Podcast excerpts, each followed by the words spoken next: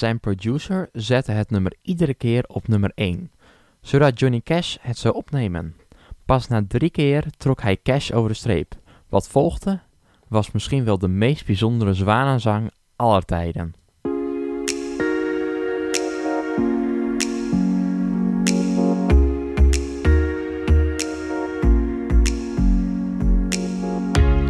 Welkom en leuk dat je weer luistert naar seizoen 1, aflevering 6 alweer van Yes Fam, de podcast.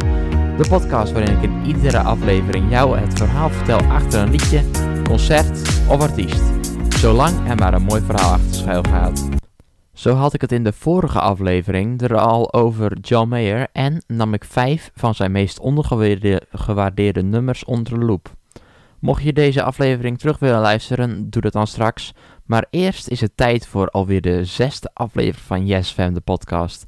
En in deze aflevering wil ik het graag met je hebben over countryzanger Johnny Cash. Maar voordat we dat gaan doen, wil ik je graag meenemen langs nieuwe muziek. Zoals Lana Del Rey, want zij bracht haar nieuwste album Jam Trails Over the Country Club op 27 maart uit. Op het zevende studioalbum van de zangeres staat onder andere de single die ze vorig jaar uitbracht, Love Me Like a Woman. Ook mijn favoriete zangeres uit Nederland bracht een nieuw liedje uit. De nieuwste single van Nona is het prachtige Don't Cry Me a River.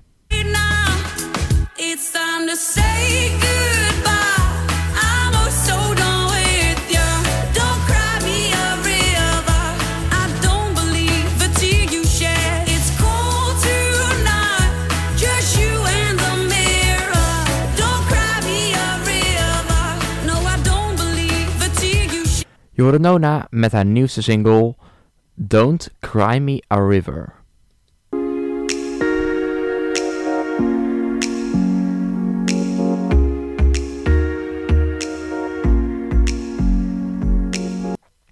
Ook heb ik weer een kijktip voor je. Het is het documentaire, waar bijna iedereen het al over uh, gehad heeft. Maar toch wil ik dat nu ook nog eventjes gaan doen. Ik raad je namelijk aan om de documentaire van Billie Eilish te gaan zien. In The World's a Little Blurry, zoals de documentaire heet, krijgen we een speciaal inkijkje in het privéleven van de zangeres. En het gevoel dat bij mij opriep was een gevoel van medelijden. Medelijden met Billie, want als je één ding leert van een docu, dan is het wel dat de weg naar de top vol eenzaamheid zit.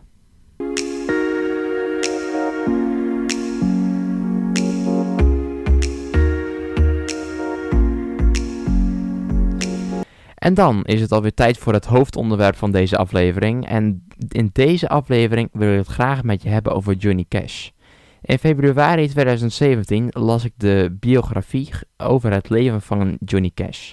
Geschreven door legende Robert Hilburn, die al vele biografieën op zijn naam heeft staan. Zoals ik al zei, las ik het boek in februari 2017. Allereerst is het een prachtig en inspirerend boek. Het vertelt het eerlijke verhaal van de man die Johnny Cash was.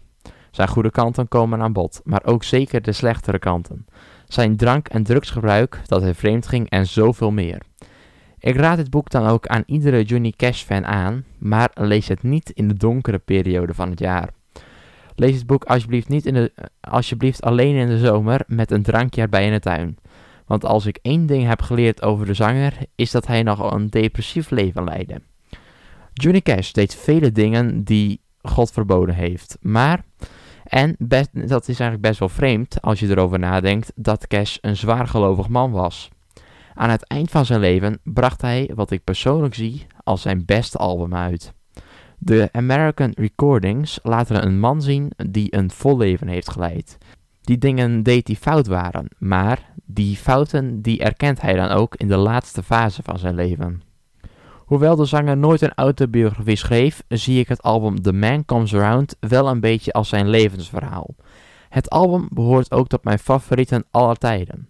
Oorspronkelijk wilde Cash een gospelalbum opnemen, maar de platenmaatschappij die zag dit niet zitten omdat hij nu net de jongere fans aan zijn kant had gekregen.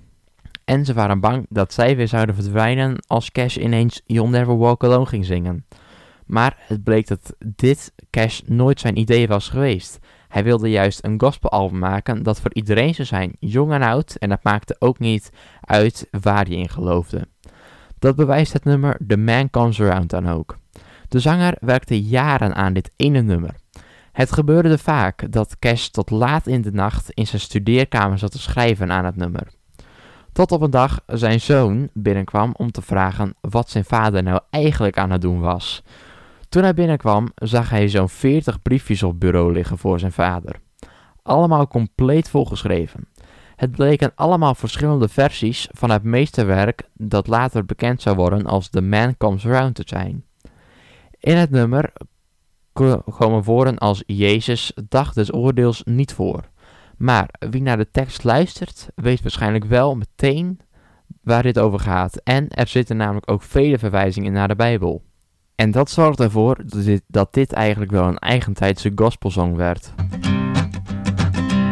There's a man going round taking names. And he decides who to free and who to blame. Everybody won't be treated all the same. There'll be a golden ladder reaching down the man comes around. The hairs on your arm will stand up at the terror in each sip and in each sup. Will you partake of that last offered cup or disappear into the potter's ground when the man comes around? Helaas kan ik maar een klein fragment delen uit het nummer, maar in het hele nummer zitten verwijzingen naar de Bijbel. Later in het nummer horen we Cash ook het volgende zingen. And the whirlwind is in the thorn tree. The virgins are all trimming their wicks. The whirlwind is in the thorn tree. It's hard for thee to kick against the pricks. Till Armageddon, no shalom, no shalom. Then the father hen will call his chickens home. The wise men will bow down before the throne. And at his feet they'll cast their golden crowns. When the man comes around. De reden dat Cash voor het woord shalom zingt, is omdat het Hebreeuws is voor vrede. En Cash wilde dat het een universeel nummer werd. En daarom is The Man Comes Around een van de allerbeste liedjes ooit geschreven. Verder is het album The Man Comes Around goed gevuld met prachtige covers. Liedjes zoals van Simon Garfunkel, Bridge Over Troubled Water, I Hung My Head van Sting, een beladen versie van The Beatles In My Life en een emotionele versie van Vera Lynn's We'll Meet Again, waarin hij zingt over alle mensen die hij verloren heeft en dat hij eigenlijk niet kan wachten om die mensen weer in zijn armen te sluiten. Ook lijkt hij wel te zingen dat hij hen, die mensen snel zal volgen, wat dit nummer een beetje een spookachtige sfeer meegeeft. Maar de meest bijzondere cover is zijn zwanenzang, het nummer Hurt. Zijn producer Rick Rubin stelde cd samen met liedjes waarvan Cash covers van kon opnemen. Het nummer Hurt van Nine Inch Nails raakte Rubin enorm en hij zette het als nummer 1 op de cd. Alleen kwam er geen reactie van de zanger over het nummer niet uit het vuil geslagen, probeerde Ruben het gewoon nog een keer. En belde hem op. Teleurgesteld hing Ruben de telefoon weer op, omdat Cash het nummer niet eens genoemd had. Bij de derde keer dat Ruben het nummer op de cd zette, schreef hij zelfs een hele brief naar de zanger over hoeveel dit nummer voor hem betekende en hoe bijzonder hij het zou vinden als Cash het nummer voor hem zou opnemen. Toen John dit las, hakte hij de knoop door en nam hij zijn eigen versie op. Het nummer Hurt is samen met The Man Comes Around Cash zijn grootste nalatenschap geworden. Natuurlijk ook omdat Cash een beetje de tekst heeft aangepast om het wat persoonlijker eh, naar zich toe te kunnen keren. Door de veranderingen werd het een nummer waarin Cash terugkijkt op zijn leven. Een leven vol liefde, maar ook zeker een leven waarin hij zoveel fouten maakte. Van zijn drank- en drugsgebruik tot het vreemdgaan. En dat er geen goede vader was voor zijn eerste drie dochters. En zeker geen, geen goede man voor zijn eerste vrouw Vivian. Maar als hij terugkijkt op zijn leven, dan weet Cash één ding zeker. Hij zou al die fouten zo weer opnieuw maken. Hij zou al die dingen weer doen die God verboden heeft.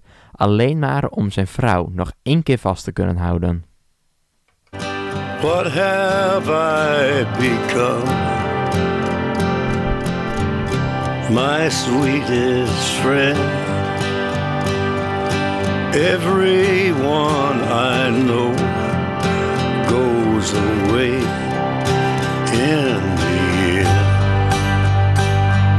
And you could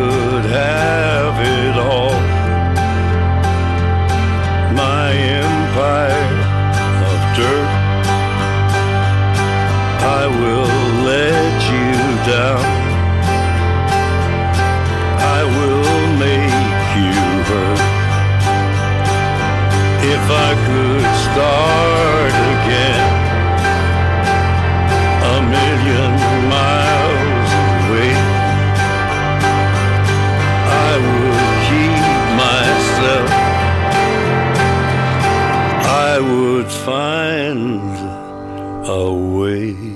Het is 15 mei 2003 als Johnny Cash zijn grote liefde June Carter overlijdt.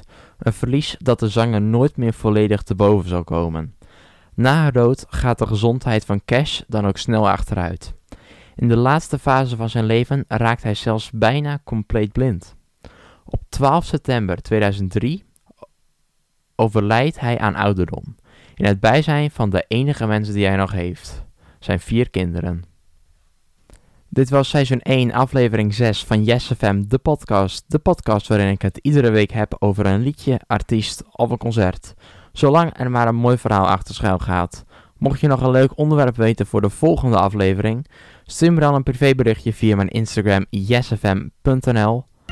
En wie weet heb ik het er in de volgende aflevering over. Hopelijk spreek je dan weer. Tot dan!